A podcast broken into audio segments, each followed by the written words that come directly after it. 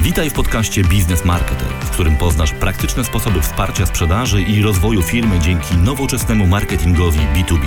W pierwszym sezonie udostępniam zupełnie za darmo w formie podcastu moją książkę ABC Marketingu B2B. Zapraszam, Łukasz Kosuniak. Jak docierać do konkretnych osób w organizacjach B2B? Czy nastąpił koniec odróżniania marketingu skierowanego do klienta indywidualnego od marketingu dla klientów biznesowych? Co takiego się wydarzyło, że zaczyna się mówić o H to H, czyli human to human i jak marketerzy B2B powinni podchodzić do tych rewelacji? Z tego odcinka dowiesz się m.in. czy podział na marketing biznesowy i marketing indywidualny nadal istnieje, jakie są podobieństwa i różnice między B2B a B2C i na czym polega koncepcja H to H, czyli human to human i jak możesz ją wykorzystać.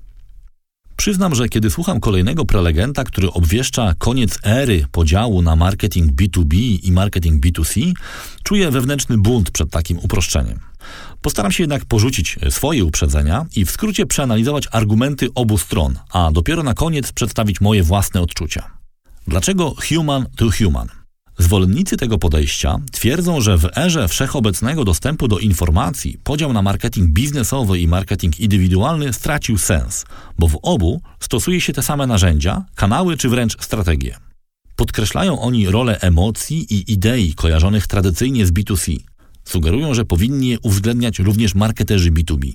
Z mojego doświadczenia wynika, że wśród zwolenników podejścia human to human jest więcej marketerów związanych z rynkiem konsumenckim niż tych z sektora biznesowego.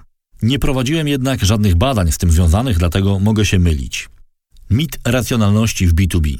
Przyznam, że zgadzam się z tymi argumentami. Sam przeprowadziłem jakiś czas temu prezentację, w której rozprawiłem się z mitem racjonalności w B2B. E, link do tej prezentacji znajdziecie w materiałach do pobrania. Człowiek z natury nie jest istotą racjonalną. Objawia się to również w procesie podejmowania decyzji zakupowych w dużych organizacjach. I chociaż mogłoby się wydawać, że faktycznie podział na B2C i B2B jest archaiczny, to można znaleźć jeden argument, który komplikuje sytuację. Zarządzający firmami doskonale zdają sobie sprawę z ułomności ludzkiej natury i starają się tak organizować procesy zakupowe, aby były one oparte na racjonalnych i policzalnych kryteriach, takich jak cena, koszty utrzymania, czas amortyzacji i tym podobne. Innymi słowy, firmy i duże organizacje bronią się przed nieracjonalnością własnych pracowników. Najbardziej oczywistym przykładem takiego podejścia są wszelkiego rodzaju procedury przetargowe, konia z rzędem temu, kto wygra przetarg dzięki przekazowi czysto emocjonalnemu. Te same kanały dotarcia. Zgadzam się również ze stwierdzeniem, że większość kanałów cyfrowych czy mediów używanych w komunikacji B2C sprawdzi się również w B2B.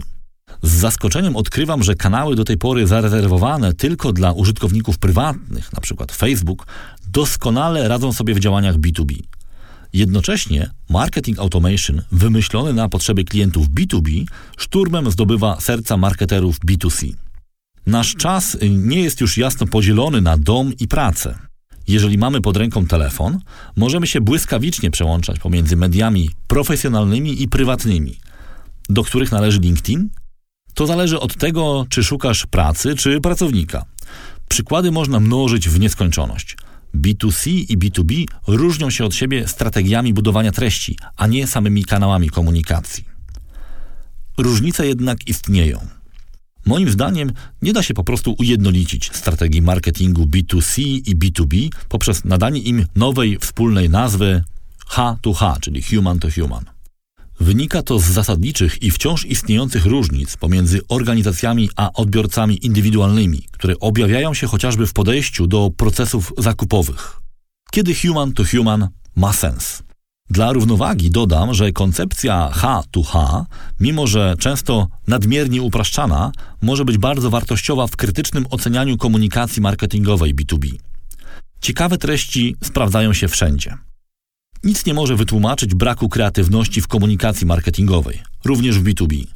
Jeżeli treści, które tworzysz są nudne, po prostu nikt ich nie przeczyta.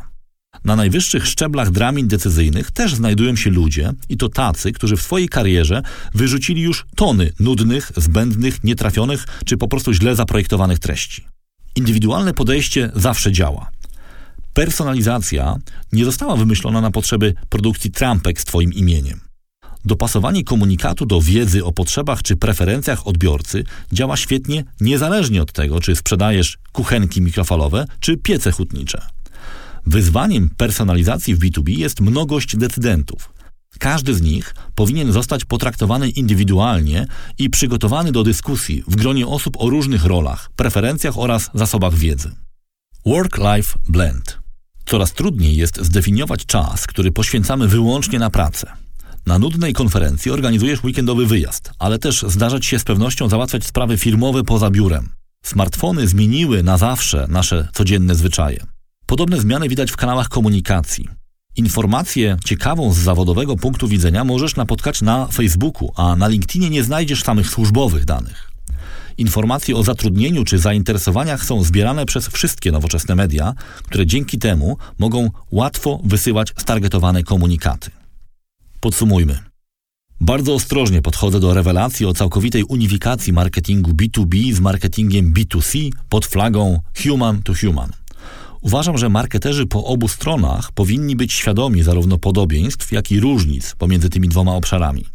Marketerzy B2B muszą położyć większy nacisk na element ludzki w komunikacji, definiować persony i pamiętać o nieracjonalnej części mózgu konsumentów, nawet tych biznesowych. Nie mogą przy tym jednak zapomnieć, że procesy decyzyjne w B2B są długie i angażuje się w nie wielu decydentów różniących się wiedzą, rolami, wykształceniem czy preferencjami. Wierne skopiowanie podejścia znanego z B2C raczej tu nie zadziała. To wszystko w tym odcinku podcastu Business Marketer. Jeżeli chcesz być na bieżąco, koniecznie subskrybuj nas na Twojej ulubionej platformie podcastowej. Wszystkie odcinki podcastu i dodatkowe materiały znajdują się na stronie businessmarketer.pl, gdzie znajdziesz też link do zakupu mojej książki ABC Marketingu B2B.